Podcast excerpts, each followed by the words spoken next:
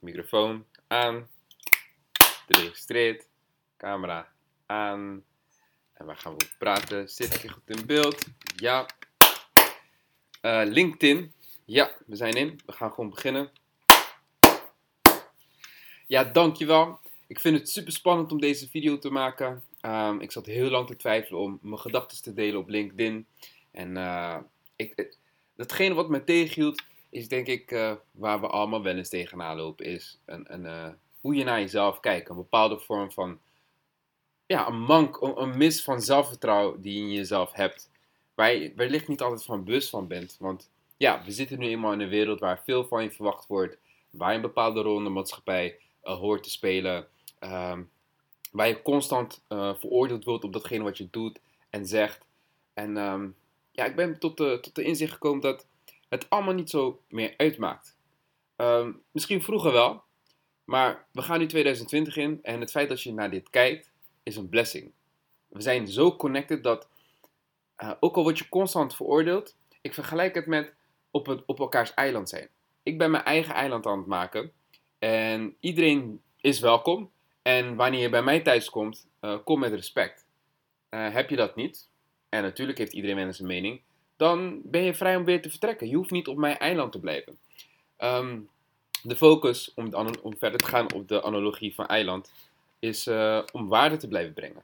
Waarde te blijven brengen bij mensen. Dus ik dacht zo van, hoe kan ik waarde brengen op, op, op een platform zoals LinkedIn, waar heel veel mensen zijn die professionele content delen, die vertellen over hunzelf, um, die delen dat ze een vast contract hebben gekregen, een nieuwe positie, die wat over hun, werkgebied vertellen. En dacht van, oké, hoe kan ik dat daarvoor inzetten? Nog steeds wel mezelf blijvende. En uh, ik bedacht me van, oké, maar wat maakt mij mij? Uh, als ik zo kijk, ik werk met, met ouderen uh, voor een zorghuis en ik werk ook met kinderen. En in de afgelopen jaren heb ik daar heel veel over kunnen leren, ontwikkelen. Ik zie dingen om me heen gebeuren en ik denk van, ja, daar kan ik vanuit mijn perspectief waarde aan brengen. Zeker vanuit het gedeelte als je net klaar bent met school, of dat je zelf in de zorg werkt, of dat je zelf met kinderen werkt. Um, community. Toch? We kunnen allemaal bij elkaar komen. Uh, mensen die op een soortgelijke manier nadenken, kunnen bij elkaar komen. En zo kunnen we ook elkaar inspireren, helpen en uh, ja, elkaar voorzien voor informatie. Uh, sommige mensen die, die zijn auditief ingesteld, die luisteren bijvoorbeeld liever de podcast, want ik heb ook een podcast waar je naar, naar kan luisteren. Sommige mensen zijn visueel, kijken liever een video. Uh, sommige mensen hebben liever het van een tekst. Um, dus ja, wat het ook is, we zijn allemaal bij elkaar gekomen. En uh, ja, eerste video op LinkedIn. Ik uh, ga er vaker, maken, vaker video's maken. Het is dan ook mijn uitdaging om steeds uit te zoeken van hoe kan ik van waarde zijn. en jou van waarde toevoegen. Um, ik weet voor mezelf dat in dit jaar, in het jaar 2020, gaat het om het waarde toevoegen, het creëren van waarde. En dat heeft mij gebracht tot het punt waar ik nu sta, omdat ik uh, besefte dat uh, na, mijn, na, mijn, na mijn vrijlating, dat uh, ja, ik heb er nog steeds moeite over om, om, het uit te spreken. Toch ergens dat gevoel van schaamte. Wat, wat, wat het nou was, ik had drie jaar geleden, vier jaar geleden bijna, geloofde ik nog een snel geld. ik heb er ook een TED, een TED Talk over gehouden. En door, door, door die stommiteit kwam ik, kwam ik vast te zitten. En uh, ja, mijn leven is nu goed. Ik heb ook alles opgepakt. Ik heb echt hard aan mezelf gewerkt. Veel aan persoonlijke ontwikkelingen gedaan. Mezelf checken. En uh, ja, het eerste wat, wat ik, wat ik, uh, wat ik, wat ik ging doen was, was, was boeken lezen. En een van de boeken was Love Success. En wat ik eruit haalde voor mezelf was dat het belangrijk is om waarde toe te voegen. En wat ik vooral in de afgelopen tijd in mijn werk heb geleerd is... Um, elk iets wat je tegenkomt wat een probleem is, of het nou is dat een collega over je roddelt of dat je tegen iets aanloopt, is een uitdaging. Een volgende uitdaging waar jij mee aan de slag kan. Maar dat vergt ook inzicht in zelf.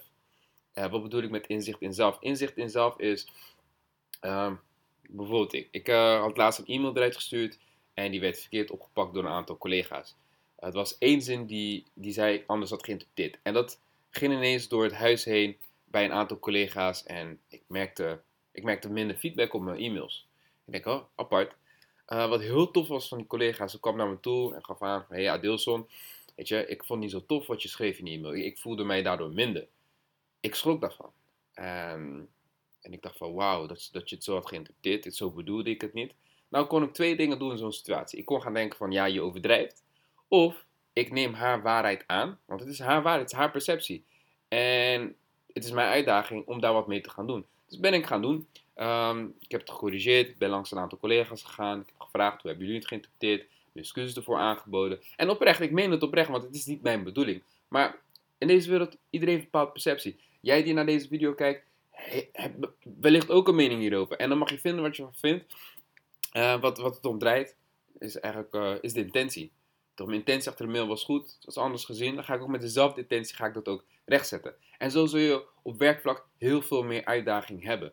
Uh, misschien zit jij vijf jaar lang in dezelfde baan en kom je niet aan een ander. Want je wilt misschien van werkveld veranderen, maar je hebt niet de juiste papieren, je kent wellicht niet de juiste mensen. Wat doe je dan om zo'n industrie binnen te komen? Wel, ik heb het gedaan, tot twee, drie keer toe, uh, om een beetje achtergrondinformatie op mezelf te geven. Um, ik ben niet gediplomeerd. Um, ik, ben sinds mijn achttiende heeft mijn moeder mij uit huis gezet. En vanaf dat moment moest ik het zelf allemaal uitzoeken. Waardoor, ja, ik nu de visie heb die ik van vandaag heb. En dan kan ik me voor schamen. Van, oh, weet je, ik ben niet zoals uh, wat op dit moment de maatschappelijke standaard is. Of ik breng waarde juist vanuit het perspectief wat ik heb. Dat je kan komen waar je wilt komen. Uh, zolang je daar de juiste mindset voor hebt.